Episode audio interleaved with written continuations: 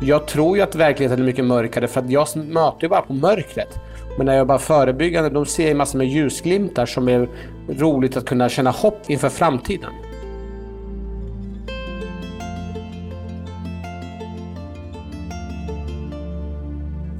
Det här är dokumenterat med programmet Den sårbara polisen om förortssnuten Hanif Azizi som människa och i rollen som polis. Välkommen med. Mitt namn är Bi Vegelius.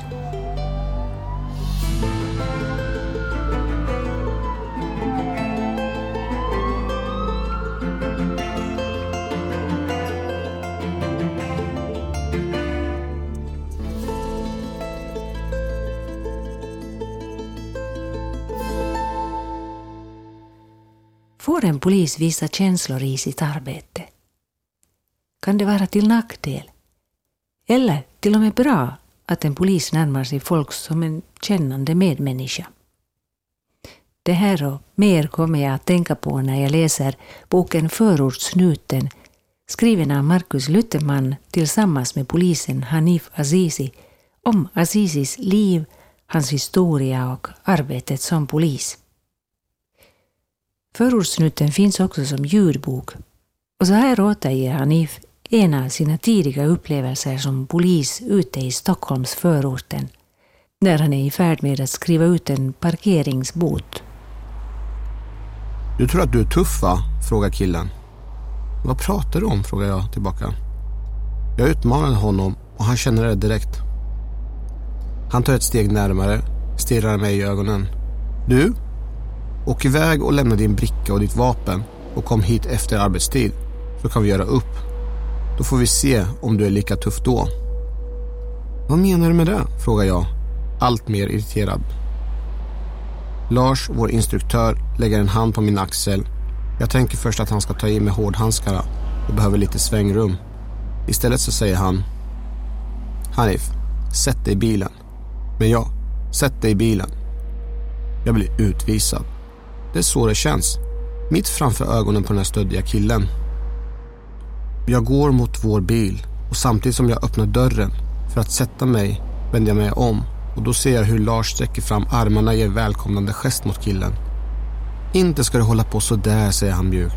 Kom så kramas vi istället. Jag blir chockad. Vad fan säger han?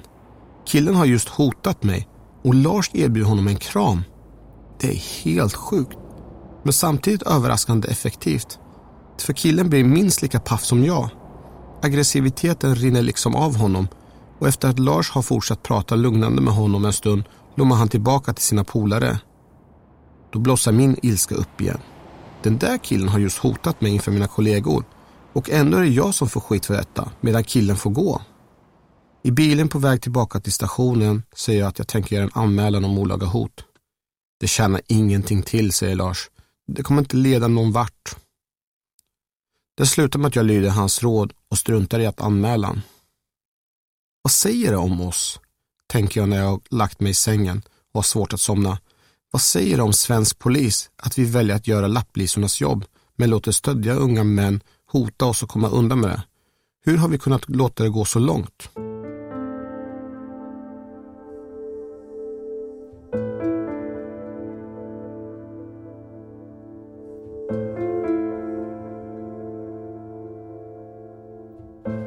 Så vem är förortssnuten Hanif Azizi? Hur kom det sig att han flyttade hemifrån redan som sjuåring i Irak, dit hans föräldrar hade flytt från sitt hemland Iran? Jo, i sin kamp mot Khomeini var föräldrarna båda medlemmar i den iranska rebellrörelsen Folkets Mujahedin en organisation som kämpar för ett demokratiskt och sekulariserat Iran. Också här berättar Hanif Azizi. Jag har växt upp på en militär bas. Mina föräldrar var ute och krigade. Då skulle jag gå i internatskola. Och, eh, så att jag fick helt enkelt anpassa mig med det. Och jag fick veta att min mamma har ett jätteviktigt jobb som hon måste gå till och då måste jag gå till skolan och det var så bara att vi sov över på skolan och det var så det skulle vara. Så jag tänkte inte mer på, på det, utan det var normalt för mig. Det var vapen, ammunition runt omkring. Och där eh, min uppväxt präglades av det. Så när jag gick i skolan så vi hade våra föräldrar som förebilder. Så jag kommer ihåg i skolan vid ett tillfälle så eh, ritade jag en teckning som jag fick full pott på. Eh, det bör tilläggas att det var egentligen den enda gången jag minns att jag fick full pott på. Men jag hade ritat en automatvapen, en Kalashnikov. Och den teckningen tyckte min mamma jättemycket om och hon sparade den. Men kampen kräver sina offer och när Hanif är sex år dör hans och Sales pappa. Men då lärs Hanif att inte sörja utan att vara stolt och hylla sin pappas mod och offervilja. En av Hanifs kompisar han minns för sin del att det var först när barnen var för sig själva som de vågade gråta. Tre år senare utspelar sig sen det här. Det hade blivit krig mellan Irak och USA och det var många flyganfall och det var många gånger som vi barn i panik fick avbryta lektionen för att springa och gömma oss i skyddsvärnar. Till slut så kunde inte vi vara någonstans där det var krig och för att våra föräldrar bestämde sig för att skicka iväg oss.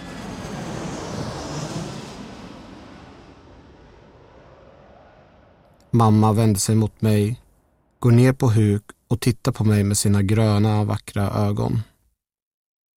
Hon är som vanligt klädd i grön militäruniform och hennes hår är dolt under en lika grön huvudduk. Hon tar mina händer i sina. Och jag minns så tydligt när min mamma gick ner på knän och tittade mig i ögonen och så, så sa hon att Hanif, du är en stor pojke, du är nio år, men från och med nu så har du ansvar för din lillebror. Så eh, ta hand om honom. Mamma reser sig och föser mig och Salen mot bussen. Rutorna är dammiga av sand. Lacken gråbrun av lersörja som bussen har smetats in med för att göra den svårare att upptäcka från luften. Jag och lillebror kliver ombord. Men inte mamma. Hon står kvar tillsammans med de andra föräldrarna. Jag vet att det ska vara på det här sättet. Hon har sagt det så många gånger. Men det är en sak att veta, en annan sak att förstå. Och det är först nu jag förstår att jag ska skiljas från henne på riktigt.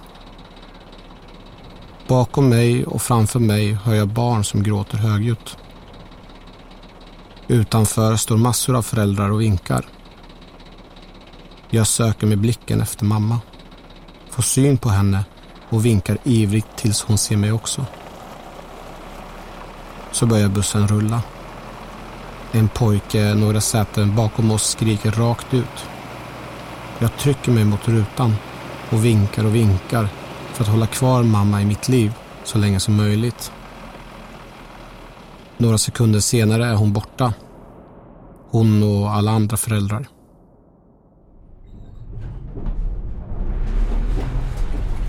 Bussen får upp farten. Det bullrar och skumpar. Vi vet inte vart vi ska. Bara till något land där det inte är krig. Jag tittar på Sale. På tårarna som rinner nerför hans kinder. Jag trycker hans hand lite hårdare i min.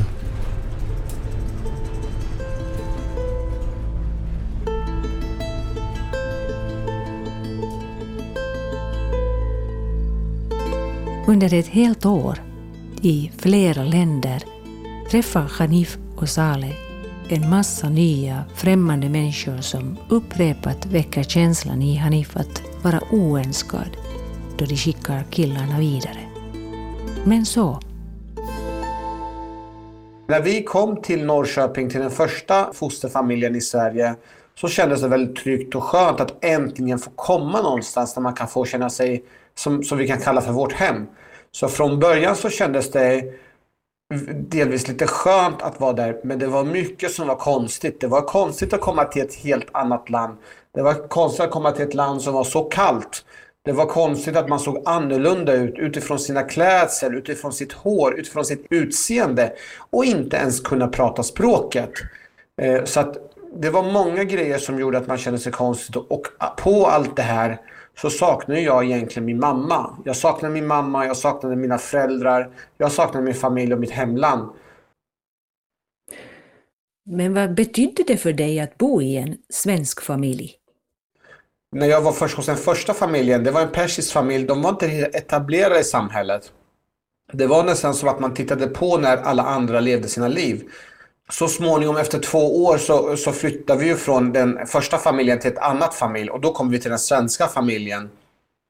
Så öppnades upp en massa möjligheter för då fick jag ta del av svenska samhället på riktigt. Jag började spela fotboll, fick gå och spela fotboll. Jag var på sommarläger på somrarna. Men också faktiskt om man tittar på det så fick vi gå igenom en tuff period där vi fick lära oss att bli svenskar och det handlar väldigt mycket om värderingar. Det handlar om att man ljuger inte. Om man har gjort någonting fel så ber man om ursäkt. Om man menar det man säger så kan man få be om förlåtelse. Det var viktigt. Och de delarna var väldigt, väldigt viktiga. Och om man gjorde fel så fick man inte stryk utan nu skulle man samtala. Man skulle fundera, man ska reflektera, be om ursäkt. Och det där var Eh, det är svårare än vad man tror när man har växt upp i ett samhälle där jag är van att få snabba konsekvenser. Det vill säga att man får en piskrapp så är det klart. Så det var stor skillnad.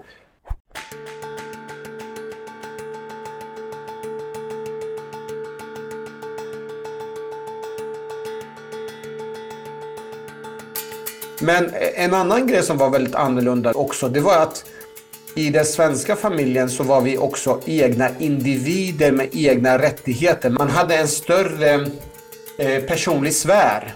Alltså att man, man fick vara för sig själv, man fick vara för sig själv i sitt eget rum. Materiella ting som man hade tillhörde en själv och det behövde man inte dela med sig. Så att det var väldigt mycket individualistiskt på många plan, fast att man bodde i samma hem.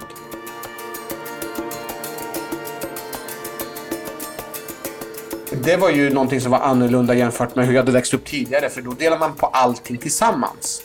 Eh, och att det var inte så att man kunde bara stänga igen rummet utan allting var angeläget för alla och alla hjälpte varandra.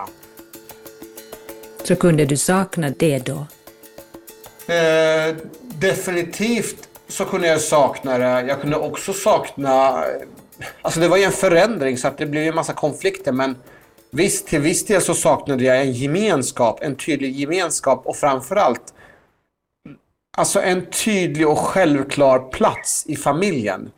Att man var självklar i, på sin plats. Och det känner jag att det saknade jag från att jag satte min fot i Sverige. Jag saknade en självklar plats i svenska samhället. Och eh, det, det, tyckte jag också att det var annorlunda. Så på så sätt så saknade jag det förra sättet som jag hade växt upp. För då hade jag en självklar plats.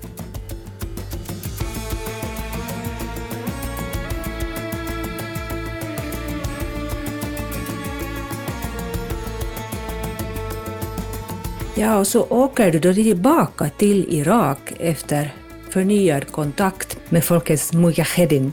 Eh, vad får dig att göra det?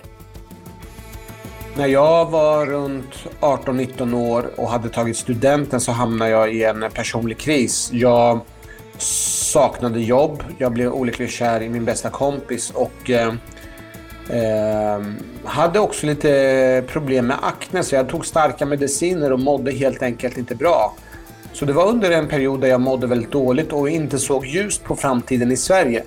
Och då lockades jag tillbaka till mina rötter och Folkets Mujahedin, det var ju den här organisationen som mina föräldrar jobbade för. Så att jag lockades in i deras gemenskap och ju mer jag var i deras eh, gemenskap och med löfte om att jag ska få träffa min mamma så kände jag mer att jag tillhörde mer eh, Folket Mujahedin än vad jag tillhörde svenska samhället. Så, så det var egentligen en... Jag kände en gemenskap och jag kände att jag fick en självklar plats och jag fick också en mening med mitt liv, vad jag skulle åstadkomma. De här grejerna gjorde att eh, jag lockades in till Folkets Mujahedin och eh, bestämde mig faktiskt att lämna Sverige för, eh, helt och hållet. Ja, du skriver om ett tomrum i dig, ett hål. Ja. Vad är det för ett hål? Eh, hålet är till stor del byggt redan när jag separerades från min mamma Kanske hålet är från saknaden av min pappa. Det är liksom ett sår som inte riktigt har läkt helt och hållet eh, under min uppväxt i Sverige. Och att det var någonting som jag försökte läka den i samband med att jag anslöt till Folkets Mujahedin, eller skulle ansluta, eh, för att träffa min mamma också. Så det var en, en, ett sätt att försöka försonas med, eh, med, eh, med min bakgrund och försöka läka mina sår. Och så här beskriver Hanif Azizi återseendet med sin mamma i Irak i en hotellobby där han först inte får fram ett ord. Det blev pinsamt till slut och jag bara stod där med gapande mun. Men mamma fortsatte le och skratta. Jag kramade om henne för första gången sedan jag var tio år gammal. Hon hade varit längre än jag då. Nu nådde hon knappt ens till min haka. Jag drog in hennes doft och mindes den från när jag var liten. Och så sa jag, jag önskar att vi hade aldrig skilts från varandra.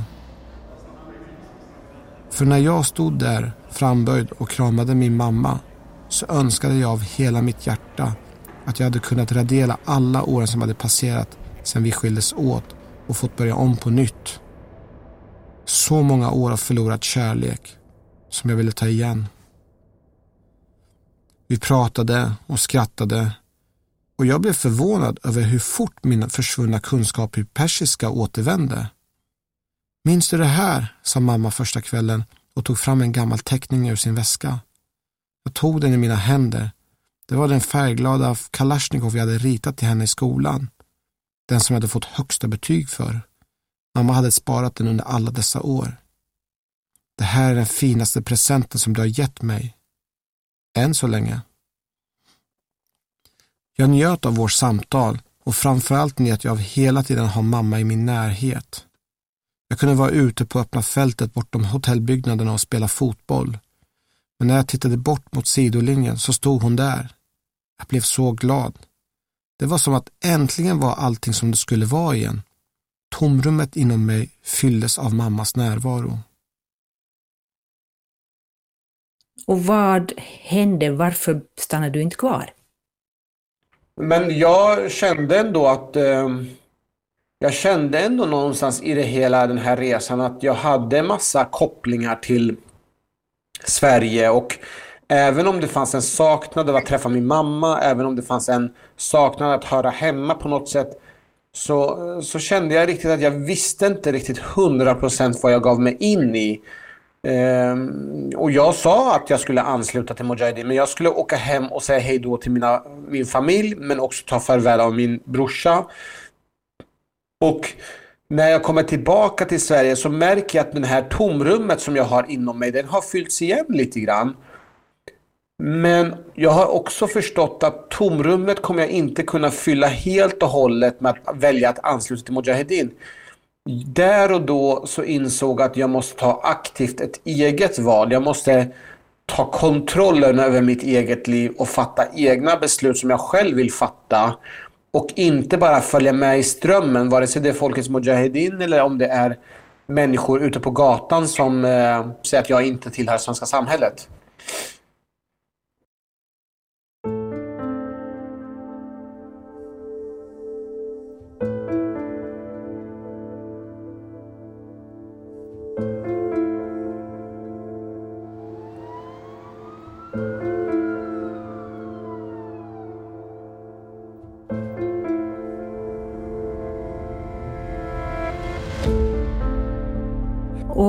2010 så kom du in vid Polishögskolan. Det stämmer. Vad fick dig att vilja bli polis? Jag tror någonstans att samma drivkrafter som jag hade för att kunna känna en eh, samhörighet, känna en gemenskap, att kunna känna att det är någonting som är meningsfullt, att kunna vara någonting gjorde att jag sökte mig till polisyrket. Det är samma grundbehov som jag hade. Eh, men också få vara med om händelserik vardag. Där ska jag uppleva saker och ting och jag tänkte att jag med min bakgrund borde kunna vara med och hjälpa till många som har det väldigt tufft i, i, i svenska samhället. Så hur var det under din första tid som polis? Hur reagerade du? Det, det, var en tid som präglades av att jag fick möta en värld som jag inte riktigt var förberedd på att möta. Jag hade en föreställning kring att jag trodde och visste hur saker och ting var. Men verkligheten var eh, inte tillrättalagd. Den var brutalare och den var mycket hårdare än vad jag trodde att, att den skulle kunna vara. Och att min idé om att skapa förändring eh, var inte så enkelt som jag trodde i mitt huvud. Så det var väldigt tuff tid från början. Det, det, liksom motståndet som vi mötte, alltså människorna som jag träffade eh, hade andra referensramar, hade haft andra erfarenhet. Och det gick inte bara att kunna samtala med dem. Att, att det, det handlar inte om saker och ting var missförstånd. En del hade aktivt valt att vara kriminella. Och det var ingenting som man kunde bara samtala sig till rätta och så vidare. Men Hanif Azizi vill påpeka att det inte är de stora flyktingströmmarna från 2015-2016 som har skapat de problem som syns i samhället, utan Majoriteten av personer jag hanterar i min vardag som områdespolis är födda i Sverige. Det är barn till föräldrar som inte lyckats eller fått möjlighet att ta sig in i samhället. Det kan bero på att deras kompetens eller kunskaper inte tagits tillvara eller på en massa andra orsaker. Resultatet har hur som helst blivit bitterhet och hat mot samhället. De har tagit på sig en offerroll som de sedan har överfört till sina egna barn, vilket har lett till att problemen förvärrats i nästa generation istället för tvärtom. Enligt Hanif Azizi har många alltså redan från barns ben av sina föräldrar matats med negativa uppfattningar om det svenska samhället. Och nu mötte Hanif här i sitt arbete sådant som han inte hade trott sig se i Sverige. Ehm, det stämmer. Alltså, de problem som jag mötte i min vardag som polis, det var sånt som vi hade hört bara utomlands. Kravaller som hade skett i Frankrike, upploppen som skedde utomlands. Det trodde jag aldrig att det skulle kunna ske i Sverige. Visserligen så hade vi gängkonflikter här men de morden som så småningom det uppdagades som människor som mördades. Det var ju någonting som började ske under Eh, under tiden som jag jobbade som polis. Och det var ju overkligt att se det från första parkett. Nya rapporter kommer gällande automatvapnet. Martin har tyckt se hur skytten kramar av avtryckaren men inget skott har hörts. Han drar därför slutsatsen om att det kan röra sig om någon slags kolsyrevapen. Jag hinner knappt ta in vad jag har hört för hela tiden kommer det rapporter om nya dramatiska händelser Bilar som sätts i brand, rutor som krossas. En civil polisbil som passerar under en gångbro blir utsatt för stenkastning. Till slut blir min hjärna överbelastad av intryck. Mina känslor domnar bort.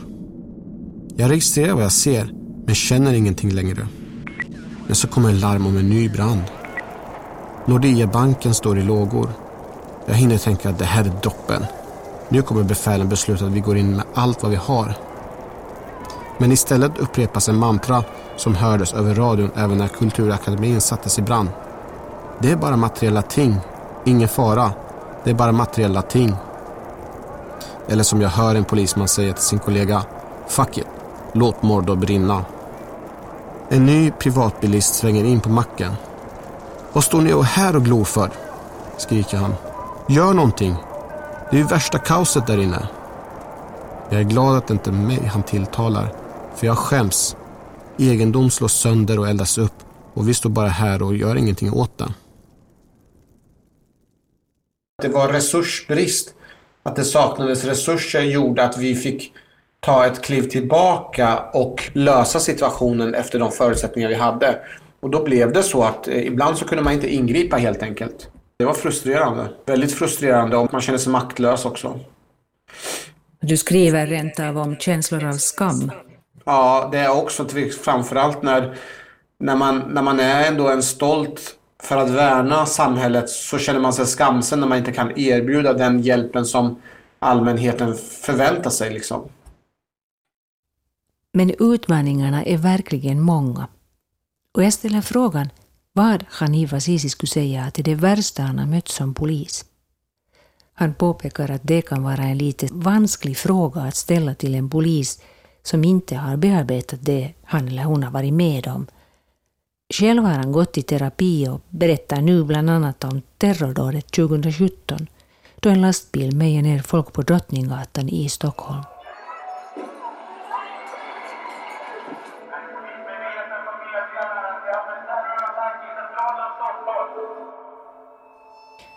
Och också här beskriver Hanif Azizi sina egna känslor väldigt öppet.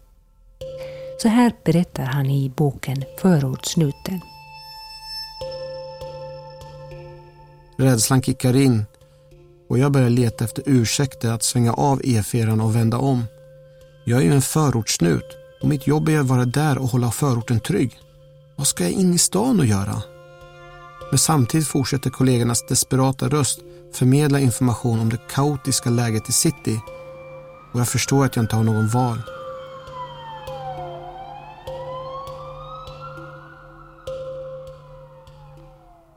Efter ett långt händelseförlopp är Hanif Azizis sista uppgift här att hjälpa en liten pojke som har kommit bort från sin skolklass.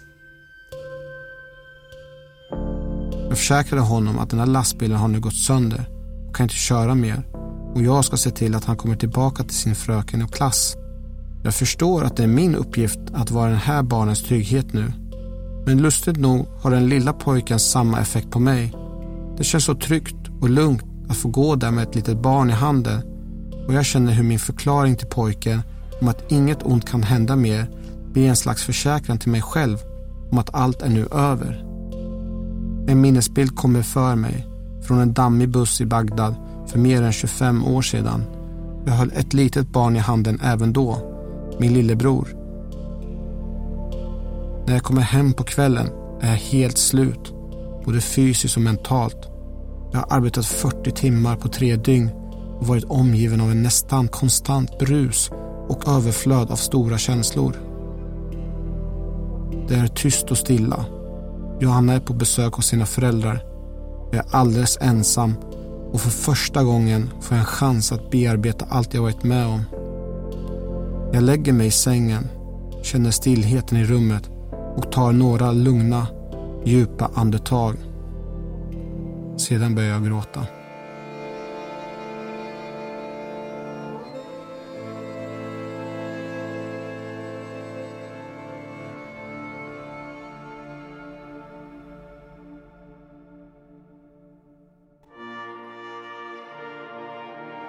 Det är så härligt att bara stå där och känna gemenskap med invånarna i den här staden.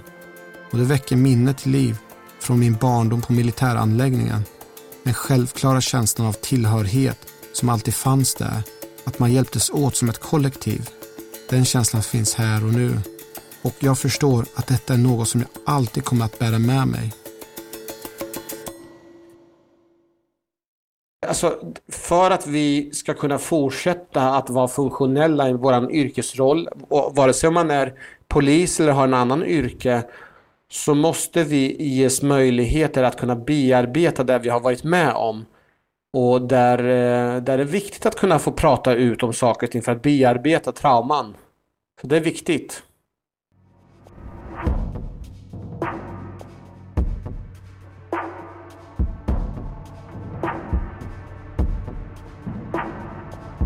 Under en hotfull situation där två poliser är omringade av en stor människogrupp hamnar Hanif och andra undsättande poliser i ett stresstillstånd och tar batongerna till hjälp och...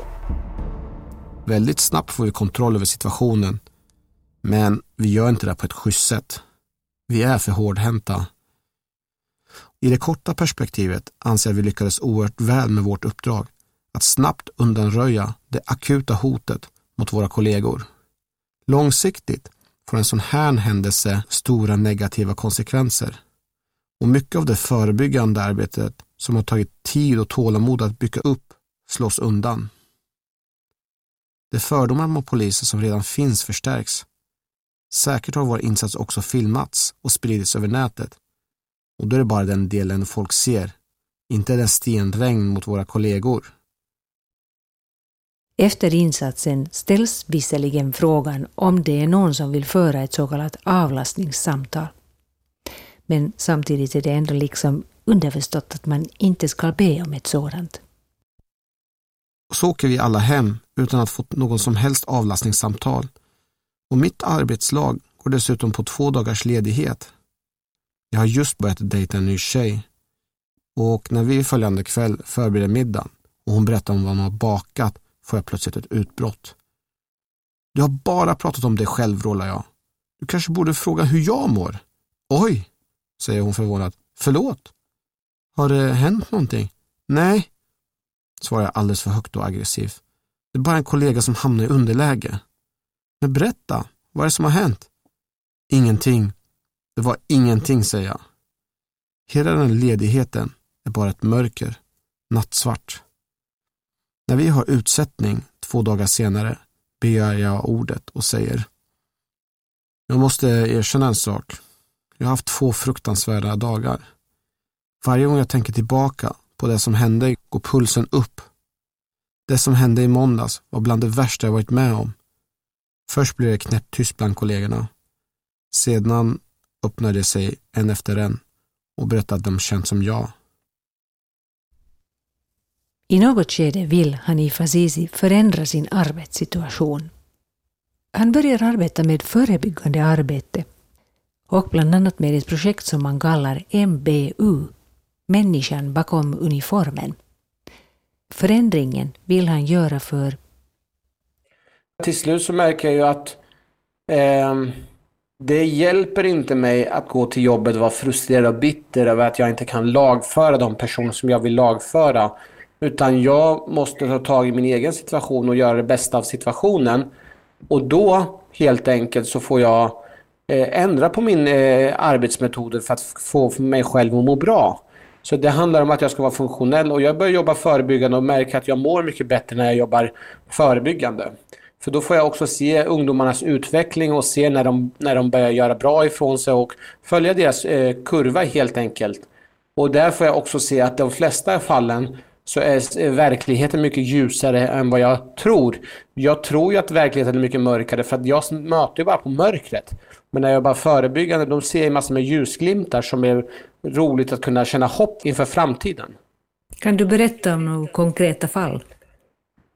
Det finns flera fall. Det var en kille som när jag träffade för första gången, han var... Han hade lite kaxig attityd och tyckte det var lite häftigt att spela ball och ju mer vi lärde känna varandra desto mer bra kontakt fick vi. Eh, vi hade så här förebyggande arbete där vi lärde ut hjärt och lungräddning. Och då eh, vid ett tillfälle när han var själv på sin fritid vid T-centralen så var det en kvinna som föll ihop med sina kunskaper från vad han har lärt sig inom människan bakom uniformen, det här programmet förebyggande arbetet. Så var han med och räddade livet på den här kvinnan. Sen så har jag följt utvecklingen för den här personen och idag är han ju snart färdig ingenjör och ska komma ut i arbetet. Och sådana här exempel finns så många av där unga personer som vi får följa deras utveckling och att de pluggar på universitetet och nu har en anställning. En annan tjej som började i våran program jobbar nu som fältassistent ute i vårt område. Så det är många ungdomar som växer upp och får ett väldigt bra liv. Men ofta så får vi inte höra de här positiva berättelserna utan vi får ju bara se det mörkret. Men det här gör ju att man är motiverad att fortsätta med det här arbetet. Då. Eh, jag försöker på något sätt involvera föräldrarna mycket tidigare. Försöker innan det börjar gå snett så försöker jag komma hem till familjen och prata om vilka risker det finns och vilka konsekvenser det finns. Och det finns en stor utmaning. Det är inte alla familjer som vill bara släppa hem polisen hem till en frivilligt. Men efter mycket om och men och efter mycket press så lyckades jag komma hem till en familj och där jag presenterade all bevisning för föräldrarna och då, då kunde de med, med tiden bli mer samarbetsvilliga och ville så småningom till och med omplacera sin son. Eh, så det, det, det kändes väldigt bra. Rent konkret har det förebyggande arbetet under till exempel tio gånger kunnat se ut så här. Mot slutet av terminen kör vi ombytta roller. Det är då ungdomarna får ta på sig polisuniformen och deltar i rollspelen baserat på verkliga scenarion. Målet är på så tydligt sätt låta ungdomarna ta polisens position och genom en bild av hur svårt det kan vara att agera klokt och sansat i en upphetsad situation. Att bevittna detta är lika fascinerande varje gång, För efter bara två, tre timmars rollspel är det som en polett trillar ner. Ungdomarna får en slags uppvaknande och vi känner så tydligt hur frustrationen och ilskan de tidigare känt mot polisen förbyts i förståelse för vårt uppdrag.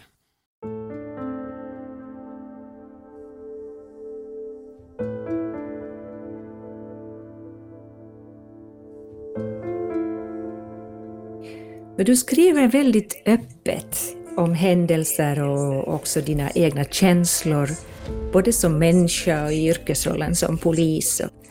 En hurdan styrka och möjligen nackdel är det här i ditt arbete?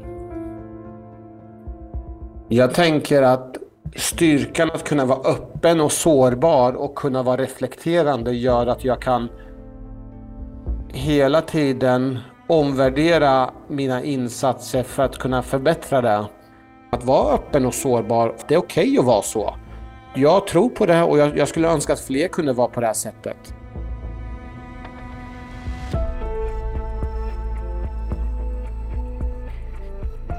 Din relation till din mamma, i korta drag, hur har den förändrats genom åren?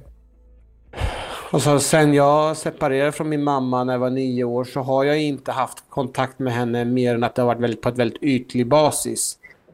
Den organisationen som hon är med i, Folkets Mujahedin, har ju successivt förminskat och eh, förhindrat hennes utrymme att kunna eh, ha relation med sina, med sina barn och det har gjort att det har varit väldigt begränsat så det har varit på en väldigt ytlig nivå helt och hållet och där jag till historien har känt mig eh, övergiven. Men mot slutet av boken så har jag lyckats intervjua flera personer som har gjort att jag har hamnat i någon form av acceptans kring min mammas vägval. Det, det går inte, jag kan inte gå omkring och hela tiden känna en stor sorg över det utan jag måste släppa det och gå vidare.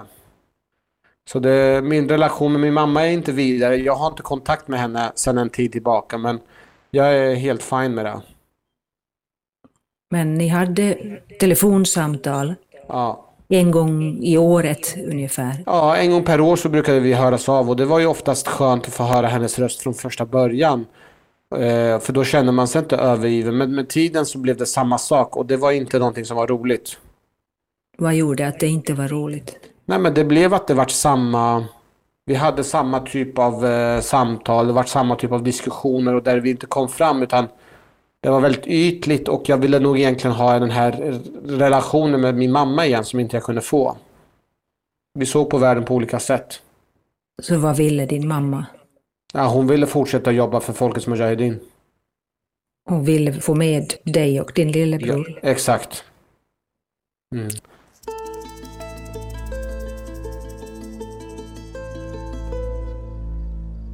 Så är det möjligt för var och en, oberoende av de där förutsättningarna från början, att fatta ett sådant positivt val som du fattar? Så jag tänker att det är ju inte, alltså, det är inte lätt att fatta. Det, det är ett samspel mellan att man själv fattar ett beslut kring hur man vill forma sitt liv, men det är också en väldigt mycket stöd och hjälp man måste få från omgivningen för att kunna orka. Jag vet många av mina kompisar som inte hade stöd och där de valde att ansluta och idag är de borta och mördade. Medan jag har ju eh, valt en annan väg men kanske också för att jag har haft stödet som har gjort att jag har kunnat välja ett annat väg.